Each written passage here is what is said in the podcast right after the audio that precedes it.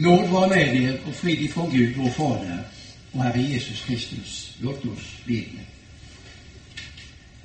Helgande kom från ovan. Dina gyllene vingar bred. Över oss och oss välsigna. Giv oss kärlek, glädje, fred. Låt oss, såsom stämpel, fyllas av din härlighet.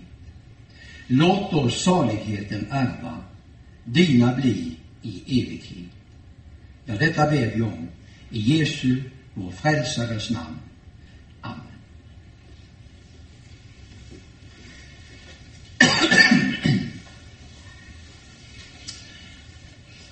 Vi vill se Jesus.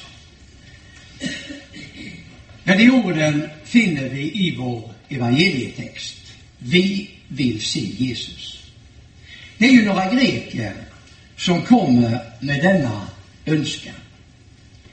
Jesus har blivit mycket berömd och mycket, mycket omtalad. Uttrycket alla vill se en mästare stämmer verkligen in här. Sveriges genom tidernas största boxare, Pelle Gunnarsson får ursäkta, heter Ingemar Johansson. Han eh, hade blivit Europamästare 1956. Han hade besegrat den väldige italienaren Franco Cavici. Och redan vid denna tid, tre år innan han blev världsmästare, så var han en mycket stor idol. Ni som är unga nu kan inte fatta hur stor han var i Sverige.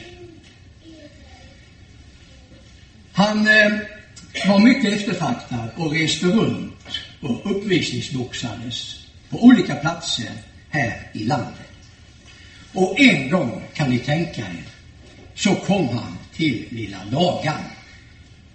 Lilla Lagan fick så celebert besök. Alla vill se en mästare. Och jag, som liten grabb, fick åka till Lagan och se Ingvar Johansson.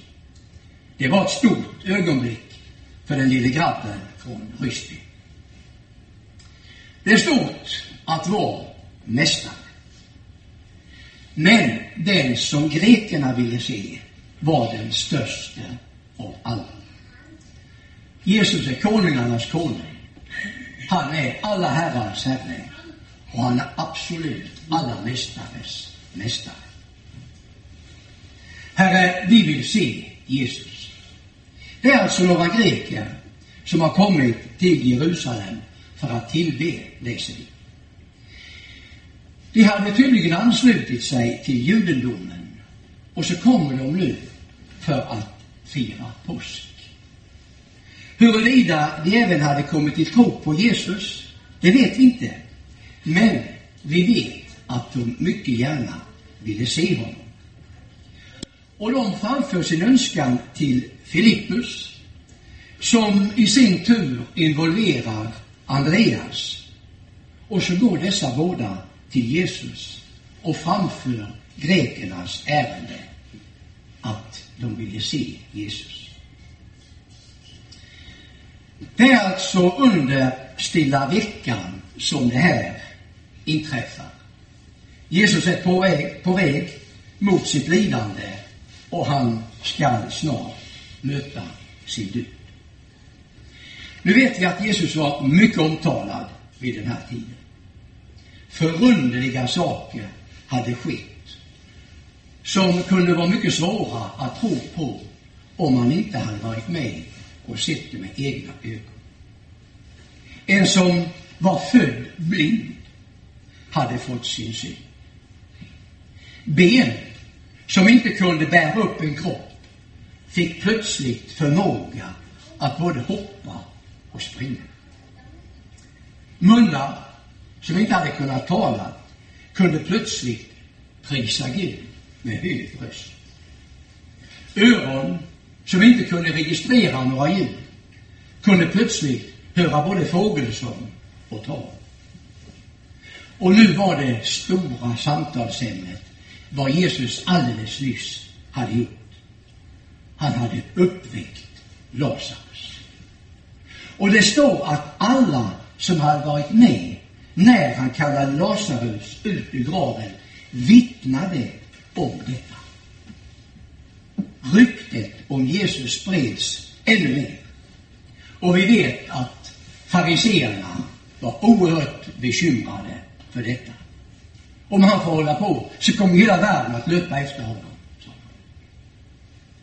Det var inte konstigt att de här grekerna ville se vem Jesus var. Alla vill ju se en mästare.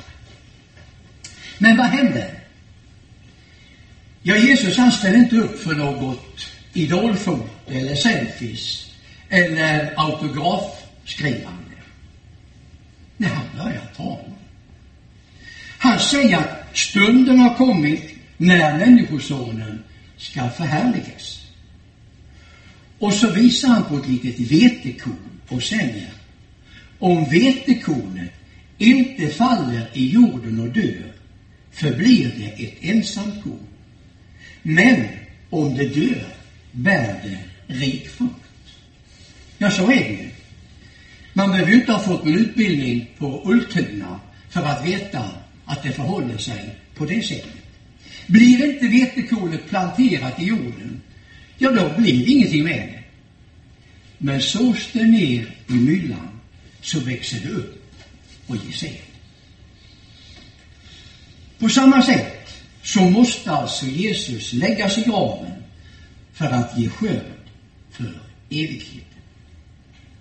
Alla hans underverk skulle inte haft någon nytta för evigheten om inte underverken på korset och den tomma graven hade skett. Då hade det varit meningslöst. Människosonen måste dö för att det skulle kunna bli en andlig skörd, nämligen skördar av själar för evighet. Jesus fortsätter med att säga Den som älskar sitt liv förlorar det. Men den som sätter sitt liv sist i den här världen ska bevara det till evigt liv. Jag vet inte om ni reagerar för översättningen här i vår nya bibel. I tidigare översättningar så har det hetat att man ska hata sitt liv. Men i en not i vår nya bibelöversättning så sägs det att det grekiska och hebreiska ordet för hata kan översättas med sätta i andra hand. Sätta i andra hand. Och det tror jag är en mycket bättre översättning. För inte har väl Jesus förelagt oss att vi ska gå omkring och hata det liv som han har gett oss. Nej, vi ska tvärtom, vi ska vara mycket rädda om våra liv. Men vårt liv, vår strävan här och vår omsorg för det, detta jordiska måste komma i andra hand. I andra hand. Jesus säger, sök först Guds rike. Sök först Guds rike. När vi tror på Jesus och har evigt liv i honom, ja, då förlorar ju det som hör till denna världen sin attraktion. Ingenting kan jämföras med att äga evigt liv i Jesus. Absolut ingenting. Jesus fortsätter med att säga, om någon vill tjäna mig ska han följa mig. Och där jag är ska också min tjänare vara. Om någon tjänar mig ska Fadern ära honom. Att tjäna och följa Jesus fortsätter ju, förutsätter ju att man tror på honom. Och att man tror på honom som sin enda frälsare. Det är inte bara fråga om att tro på honom som en historisk person. Nej, tro på honom som sin enda frälsare och räddare. Och det kan ibland kosta på att vara en Jesu tjänare och följa honom. Men hörni, Jesus utlovar att du ska bli ärad av Fadern. Du ska bli ärad av Gud. Ja, du ska bli så ärad så att du till och med ska få en plats i himlen. Jesus hade kommit till Jerusalem för att dö. Och som sann och verklig människa så bekymrade honom att gå detta lidande till mötes. Det triumfartade intåget som han hade gjort alldeles nyss, det förändrade inte bilden av det hemska som nu skulle komma. Han känner redan här bördan av vad vi förknippar med Getsemane. Han öppnar sin själ så att vi kan se in. Jesus var ingen robot. Han var en människa och som sådan så kände han ångest inför det som låg framför honom. Men hörni, han ber inte om att slippa undan. När han säger, det är ju för denna stund jag har kommit. Det är ju för denna stund jag har kommit. Så vänder Jesus uppmärksamheten från sig själv och så säger han, Far, förhärliga ditt namn. Och Fadern svarar med rösten som för en del uppfattades som åska.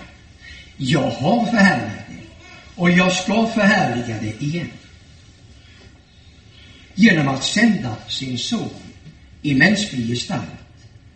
Och genom det under som han gjorde så hade Fadern blivit ärad. Och ordet blev köpt och bodde bland oss. Och vi såg hans härlighet, den härlighet som den enfödde sonen har från Fadern, läser vi hos Johannes. Jesus hade redan förhärligat Fadern och han skulle genom sitt frälsningsverk, sin död, uppståndelse och himmelsfärd förhärliga Fadern ännu. Den här rösten från himlen, säger Jesus, var inte för hans skull, utan för folkets. Det går en dom över världen och världens förste ska kastas ut, säger Jesus. Ja, nu ska djävulen besegras. Om bara några dagar så ska slaget stå på Golgata. Rösten som hördes var inte för Jesus skull. Den var för oss. Slaget på Golgata var inte heller för Jesus skull. Det var för oss. Slaget var för din och min skull. Och Jesus han tillkännager nu på vilket sätt han ska dö. Han hade gjort det flera gånger tidigare och nu upprepar han Och det skulle inte ske genom stening, som ju var judarnas avrättningsmetod.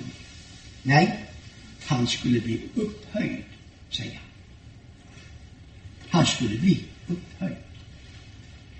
Att bli upphöjd, det är ju vanligtvis något som låter positivt, eller hur?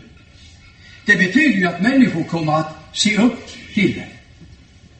Du blir ärad och hedrad när du blir upphöjd. Men Jesus använder detta uttryck på ett helt annat sätt. Här har det en helt annan innebörd. Han talar om hur han ska dö. Och det har han gjort, som sagt, vid ett flertal tidigare tillfällen. Och så som Mose upphöjde ormen i öknen måste Människosonen bli upphöjd, säger han. Ni kommer ihåg ormen i öknen, kopparormen. När folket hade knorrat så sände Gud giftiga ormar som vet folket och de dog. Och räddningen för dem det var att se upp på kopparormen som Mose hängde upp. Och när de såg upp på den så blev de botade. Helt fantastiskt. Precis likadant skulle det vara med Människosonen. Och han säger på ett annat ställe, när ni har upphöjt Människosonen, då ska ni förstå att jag är. Han ska bli upphöjd på ett träkors och spikar ska drivas genom hans händer och fötter. Men hörni, Jesus han klagar inte över vad som ligger framför honom. När jag har blivit upphöjd ska jag dra alla till mig. Det finns de som tror att Jesus med dessa ord syftar på sin himmelsfärd. Men det är inte det det är frågan om. Jesus syftar på sin avrättning som ska ske i slutet av den här veckan. Han skulle bli upphöjd på ett kors för att dö. Men hörni, detta upplyftande av Jesus, det skulle inte bli slutet på en tragisk religiös händelse och så småningom skulle falla i glömska. Det skulle bli den mest betydelsefulla händelsen i världshistorien. Jesus skulle här dra alla människor till sig. På det korset så togs alla synder bort. På detta kors etablerades frid, skapades frid mellan Gud och människoslag. Alla människor tillhör Jesus som har öppnat himlens dörr för dem. Och hörni, det ska vi veta att varje människas eviga väl eller ve beror på hur hon förhåller sig till vad Jesus har åstadkommit på detta kors. Varje människas eviga väl eller ve beror på hur hon förhåller sig till vad Jesus har åstadkommit på korset. Antingen är Jesu verk viktigt eller så betraktas det som löjligt, fånigt eller orimligt. Men genom Kristus så har Gud skapat frid mellan sig själv och människor. Antingen tar vi emot denna frid till vår egen salighet eller också förkastar vi den och drar domen över oss. Det är bara det det handlar om. Vi vill se Jesus. Det var det önskemålet som grekerna hade. Det var ju en fin önskan. Och visst vill vi också se Jesus. Och hörni, en dag så ska vi få göra det. En dag ska vi få se honom sådan han är. Men fram till den dagen så möter vi honom osynligt för vårt jordiska öga i ord och sakrament. Vi får höra honom tillsäga oss syndernas förlåtelse i ord och sakrament. Men en gång så ska vi se honom som han verkligen är. Vi ska se honom ansikte mot ansikte. Och visst är det så, hörni. Alla vill se en mästare. Amen. Jag lovar var Gud och välsignad i evighet, som med sitt ord tröstar, lär, förmanar och varnar oss. Hans heliga Ande stadfäster ordet i våra hjärtan, så att vi inte blir glömska hörare, utan dagligen tillväxer i tro, hopp, kärlek och tålamod intill änden och blir saliga. Genom Jesus Kristus, vår Herre och Frälsare.